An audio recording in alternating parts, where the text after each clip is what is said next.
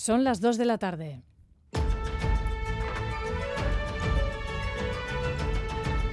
Crónica de Euskadi con Aichiber Bilbao.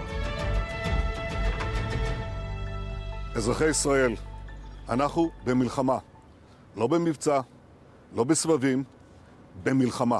Arrachaldeón Gustioi es el presidente de Israel, Benjamin Netanyahu, anunciando a sus conciudadanos una nueva guerra, la que su país ha lanzado tras la ofensiva que esta mañana en Shabbat, en día sagrado para los judíos, ha llevado a cabo Hamas. Israel se defiende con una operación militar bautizada como Espadas de Hierro. Enseguida actualizamos con nuestro compañero Miquel. Ahí estarán primeras reacciones al respecto. María Ruiz. Condena prácticamente unánime por parte de todos los líderes internacionales. La presidenta de la Comisión Europea, Ursula von der Leyen, ha condenado inequívocamente el ataque y ha añadido que Israel tiene derecho a defenderse. También el alto representante de la Unión Europea para Asuntos Exteriores, Josep Borrell, ha mostrado su solidaridad con Israel y ha asegurado que la violencia no resuelve nada. El único apoyo a Hamas ha venido por parte de Irán, aseguran las autoridades iraníes que muestran su apoyo y les felicitan a las milicias palestinas por su orgullosa, dicen, ofensiva contra Israel. Egipto ha tomado ya el papel de mediador, anuncian un proceso de mediación.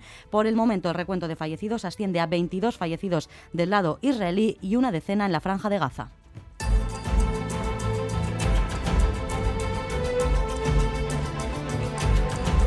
En la crónica política del día, conferencia política de Euskal Herria Bildu, donde Arnaldo Tegui ha hecho un llamamiento al Partido Nacionalista Vasco para acordar como país, ha dicho, la posición de cara a la negociación de investidura en la que se debe abordar sí o sí, ha dicho, el modelo territorial. Una legislatura que traerá buenas noticias para Euskal Herria. Otegui, a renglón seguido, ha destacado la elección del alcalde de Tafalla de Euskal Herria Bildu como presidente de la Federación de Municipios Navarros. Investidura prozesua ematen baldin bada, albiste onak etorreko direla. Horregaitik, aipamena gehi nahi diot atzo, Nafarroa garaian, udal federazioan eta konseju federazioan gure alkatea, Tafallakoa, horren lendakari hautatu zuten.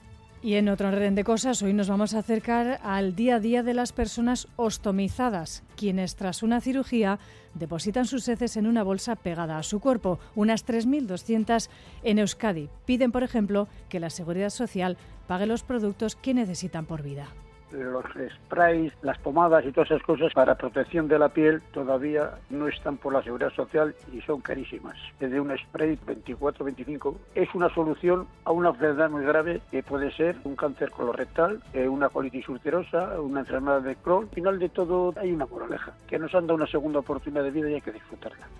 Jornada Open House en Bilbao hoy y mañana de apertura de edificios relevantes y en esta sede de ITV en Bilbao recibimos con los brazos abiertos a quienes tienen interés por conocernos. Los vestuarios, donde están los periodistas, que me ha parecido impresionante. El plató de, del Teleberry, el vestuario, las tripas de la ITV, donde están los aparatos. Platoak, irratia nola den, directoan. Yo vengo desde La Rioja y allí no se hace esto y estaría genial que lo hicieran todo el mundo para poder ver todos los edificios. Pues quienes tengan eh, cita y tengan curiosidad, mañana también podrían eh, disfrutar de una visita, entre otros edificios, a nuestra sede de ITV. Avance ahora de la actualidad deportiva de la jornada. Llegó Barostegui a Rachaldeón. Bye, Caiso a Rachaldeón en fútbol de primera división. Dentro de menos de algo más de dos horas, perdón, va a comenzar a las cuatro y cuarto de la tarde el partido del Bernabéu entre el Real Madrid y Osasuna. Recuerden marcador de ayer en el campo de San Mamés. El, el equipo de Ernesto Valverde, el Atlético, derrotaba al Almería alcoholista por eh, tres tantos a cero antes del parón de selecciones en pelota tenemos un eh, partido, un eh, festival en el que se incluye un partido del 4 y medio que va a enfrentar a Jaca y Larrazábal. Ayer en el primer encuentro de la jaula, Artola batía por la mínima 22-21 a Aguirre en Aoiz y se enfrentará a Altuna en el primer encuentro de cuartos de final de este 4 y medio. Y en ciclismo, en marcha desde las 10 y media de la mañana, el Giro de Lombardía en Italia. Ahora mismo fuga de 15 corredores y también subrayar la caída de Renko Ebenepoel, el belga, sin mayores consecuencias. Sigue en carrera el gran ciclista belga. En esta portada buscamos ahora el pronóstico del tiempo para las próximas horas. Saludamos en Euskalmet, Egusquiñe Turriotze, Egusquiña, Racha León.